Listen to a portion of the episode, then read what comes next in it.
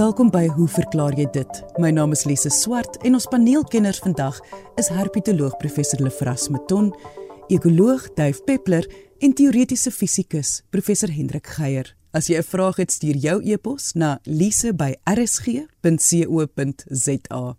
Ons eerste vraag word gevra deur Lammy Breed en beantwoord deur ekoloog Duif Peppler. Ek was nou onlangs vasgevang in 'n sprinkaanplaag, duisende sprinkane.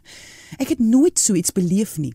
Daar waar hulle sit, vreet hulle alles op. Dit wil voorkom asof hulle nie natuurlike vyande het nie as gevolg van die onaangename reuk en heel moontlik die smaak Kan iemand meer verduidelik oor die lewensiklus van hierdie sprinkane?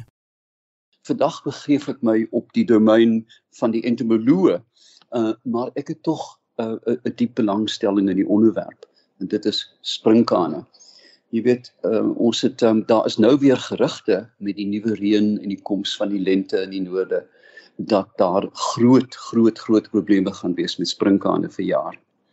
My belangstelling kom uit die hoek van die klein rooi valk wat ek vir baie baie jare bestudeer het.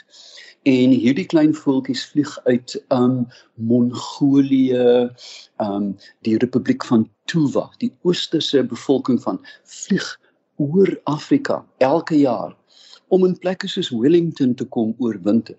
Ruim 60% van die wêreldbevolking van hierdie bedreigde valkie woon of kom oorwinter in Suid-Afrika wat goed en wel is as niemand gif spuit vir sprinkane nie, want dit is hulle gunsteling kos. Met ander woorde waar daar 'n superkonsentrasie van voedselbronne is, sal die voeltjies in hulle 10000de saam met die swerm vlieg en dan natuurlik hulle trommeldik eet. Ongelukkig, hulle eet hulle ook trommeldik as daar gif op hierdie insekte is. Ons moet eintlik ook net eh, die onderskeid maak aan die begin van die gesprek wat ons in Afrikaans nie kan uitkom nie. En dit is dat die Engelse praat van 'n natuurlik van 'n grasshopper, 'n springkaan, maar dan praat hulle ook van 'n locust. Nou die locust is die die groep wat dan saam beweeg en hierdie ehm um, vernietigende swerms vorm. Hulle al hierdie springkane kom uh, uit 'n groep Acrididae, ehm um, en hulle vorm hierdie swerms. Normaalweg is die die uh, getalle van hierdie insekte redelik laag, jy weet in in 'n normale verloop van 'n jaar. Maar veral na 'n droogte, ehm um, as daar goeie opslag is, dan word die brein van hierdie miserabele diertjie deurspoel van serotonien en dit verander hulle gedrag. Met ander woorde, die alleenloper word nou gregarious. Snaaks die Afrikaanse woord daarvoor is gesellig. En ek kan my nie eintlik indink dat hierdie uh, swerm sprinkane nou noodwendig gesellig is nie, maar hulle beweeg dan byna soos 'n superorganisme. Hulle begin deur uit te broei um en vorm dan nimfe. Nou hierdie nimfe kan uiteraard nie uh, vlieg nie en loop en en en spring oor die veld in Dit lyk na opdrifsels van 'n rivier wat afgekom het, 'n bruin massa wat golwend oor die veld beweeg. Maar dan nadat hulle vervel, onthou dat insekte ehm um, kan nie uit hulle velle uitgroei nie. Hulle moet ontpop en dan gaan hulle deur stadia en word groter en groter en voor jy weet waar jy is, het hulle vlerke en dan het ons hierdie Bybelse swerms wat oor die landskap heen vlieg en letterlik alles opvreet. Nou die digtheid van 'n swerm kan in die orde van 80 miljoen sprinkane per hektaar wees. Indien die swerm dan in sommige gevalle so groot as duisende vierkante kilometer is, dit kan so groot word, dan is die getalle die getalle byna Bybels ontelbaar. Dit raak so groot. Nou, elkeen van daai bekkies vreet gras en as jy gesien het wat 'n sprinkaanplaag in die veld kan doen, dan begin jy verstaan hoekom boere so bekommerd is daaroor. Tradisioneel veral na die Tweede Wêreldoorlog is dieldrun gebruik. Nou ons ken die dieldrun storie al te goed teestaan. Dit is 'n uiters effektiewe insekdoder, maar baie meeste van hierdie insekte BHC, dieldrin, al die goed wat gebruik word uh by springkaan, nie meer dieldrin nie. breek af mettertyd. Hulle het 'n chemiese verandering en vorm dan wat bekend staan as metaboliete. Nou 'n metaboliet van DDT is byvoorbeeld DDE. Nou hierdie um, uh, metaboliete het onsaglike lang leeftye, etlike dekades, sommige van hulle honderde jare. Met ander woorde die metaboliet bly dan in die bevolking van die besmette uh organismes. Tot vandag toe word um spanne die veld ingestuur met spuitkanne en pompe en 'n wit wolk en ek hoop almal dra maskers word die plaag dan beheer veral voor hulle vlieg. Jy moet hom terwyl hy nog op die grond sit en hop bykom. Maar daar is 'n etlike jare gelede, ek dink in die orde van 25 jaar gelede al uitgevind dat 'n swam, dit lyk na 'n swam wat op blou kaas voorkom. Die ding ehm um, is 'n wonderbaar metarhizium uh, is die swam se naam en as jy dit in oplossing spuit op die sprinkane word hulle almal skielik bewegende stukkies blou kaas. die lyfie word deur trek van die miselium van die swam en hulle raak hulpeloos maar en hier is die groot maar. Nou is hulle blind. Hulle kan nie mooi hop nie en enige iemand, bakoorjakkalse en rooi valke kan hulle trommeldik eet. Dit is eintlik net 'n verhoogde vorm of 'n fynde vorm van die oorspronklike voedselbron. Met ander woorde, dit is nou rockefort sprinkane in plaas van gewone sprinkane. En ek dink dit gaan die toekoms wees van die beheer van die organismes dat ons hierdie ladings gif van die veld kan afhaal. Uh, praat met kenners soos um, professor Gerard Verdoorn en hy sê vertel van wat gebeur dat elke kriek, elke toktokkie word doodgemaak waar die gif toegedien word. So. Um in 'n ideale wêreld Lise sou ons God se water oor God se akker laat loop. Hoekom? Van sprinkaanbevolkings is 'n dood natuurlike voorkoms in die natuur. Veral droë gebiede word gepuls wil enige stelsel word daar sekere drywers wat die stelsel hernuwe. Met ander woorde, dink aan die hele Karoo as 'n roostuin. As jy nie jou rose snoei nie, dan groei hulle nie goed nie en hulle dra nie goed nie. Wat gebeur as sprinkane kom? Hulle vreet die veld op voor jou oë, maar elke diertjie los 'n miskorreltjie. Met ander woorde, die Karoo word gesnoei en hy word bemes. Ongelukkig in die ideale wêreld weer sou 'n mens kon sê los hulle, maar ons kan nie want die boere sal bankrot raak. Erns tussen die twee moet ons gelyk vind en ek dink die gelyk gaan na meer vriendelike beheer. Want hierlaas ons lewe nie in 'n ideale wêreld nie. En dit was ekoloog Dave Peppler. Volgende is ons kitsvraag wat beantwoord gaan word deur teoretiese fisikus professor Hendrik Geier. Professor Geier, Hoe verklaar jy dit dat links kan regs wees en regs kan links wees?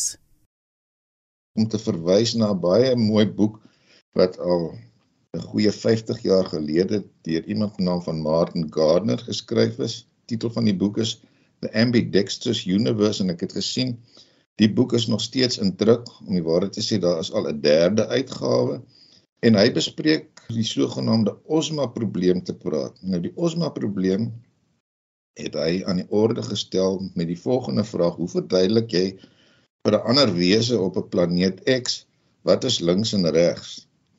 En as 'n mens nou mooi daaroor dink, dan besef jy dat links en regs is eintlik maar net konvensies. Ons sou al ons sonder om aan enige iets te verander wat ons nou links noem regs kon noem en omgekeerd. En dit help nie om te dink jy gaan vorder met hierdie vraag as jy byvoorbeeld aan 'n noord en 'n suidpool van 'n magneet dink of van allerlei vloeireëls van elektrisiteit nie.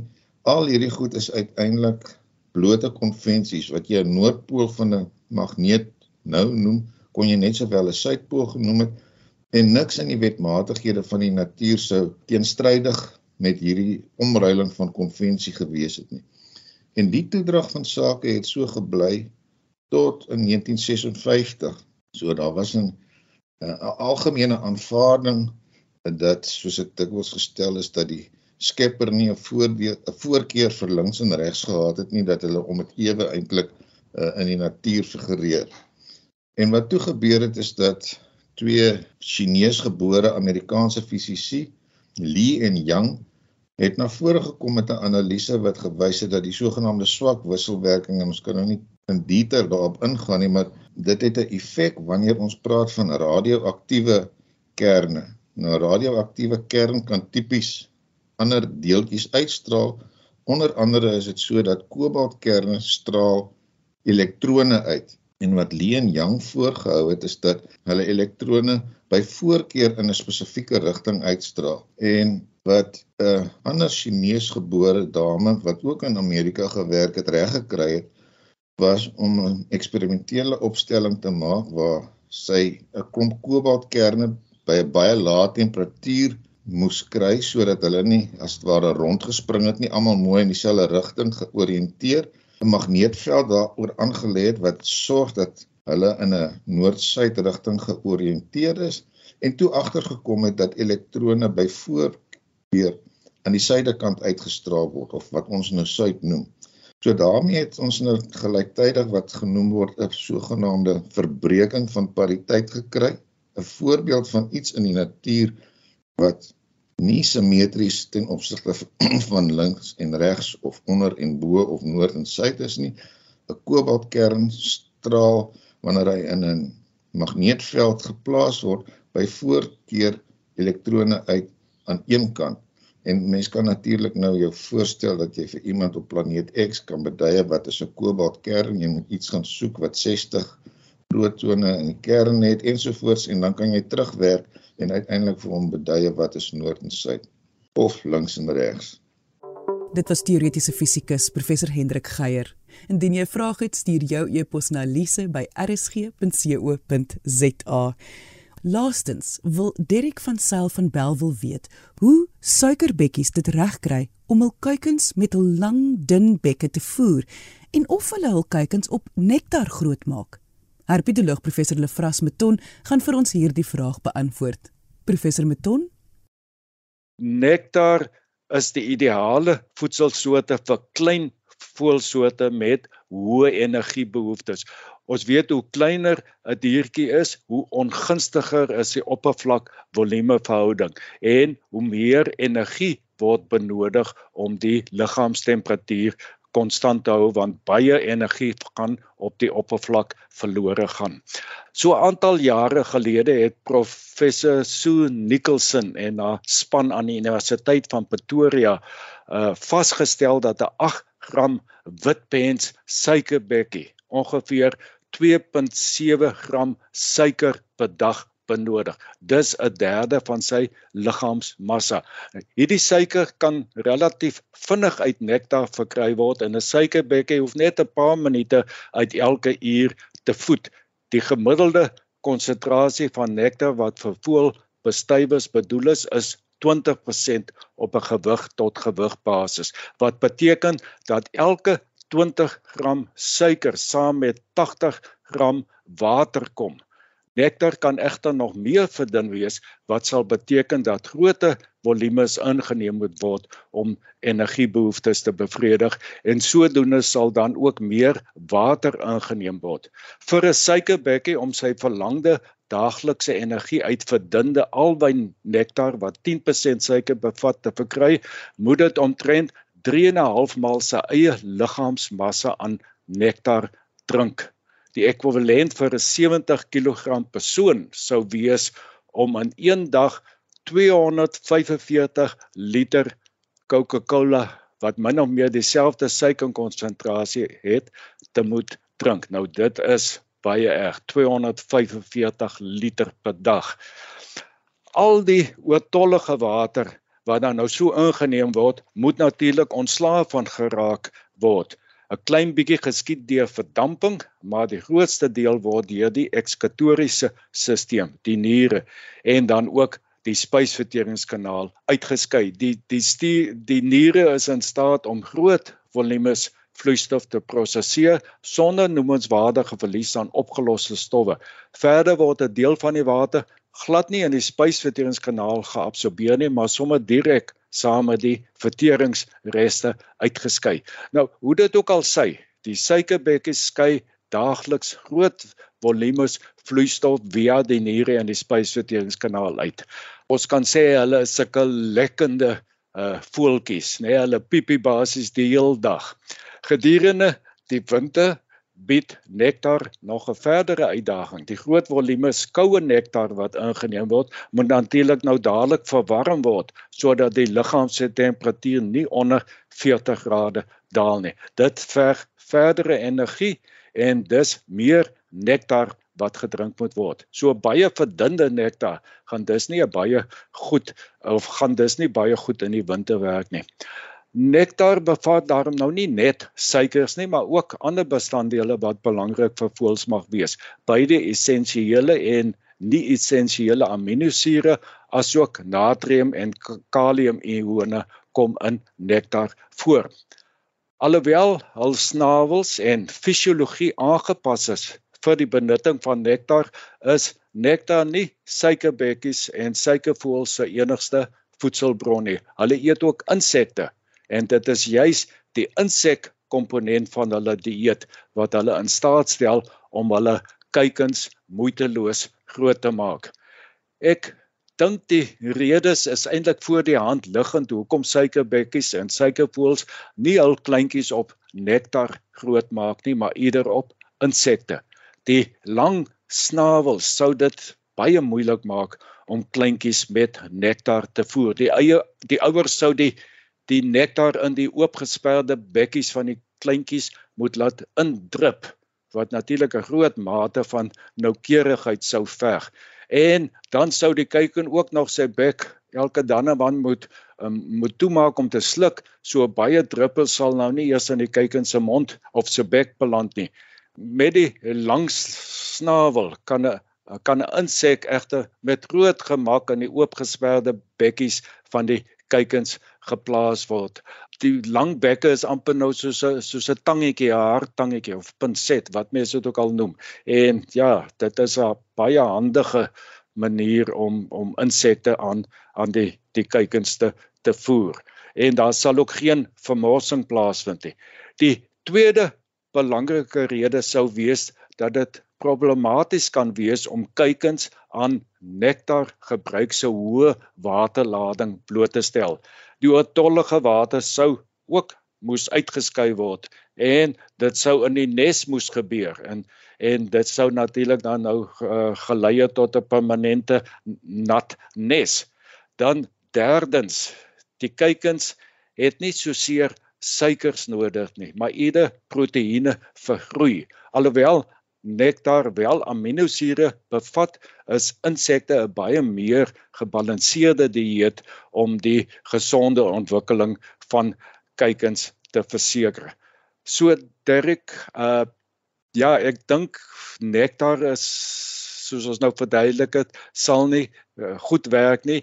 Die lang snavels van suikerbekkies is egter ideaal om insekte aan die kleintjies te voer en so die die die die kuikens word op insekte grootgemaak. En dit was herpetoloog professor Lefras Meton. Indien jy 'n vraag het, stuur jou e-pos na lise@rsg.co.za. Onthou jy mag onder 'n skuilnaam skryf of vra om anoniem te bly. Ek sê baie dankie aan ons kenners en vraagstellers vandag. Onthou om altyd nuuskierig te bly en vra te vra. Tot volgende week hier op RSG saam met my, Lise Swart. Totsiens.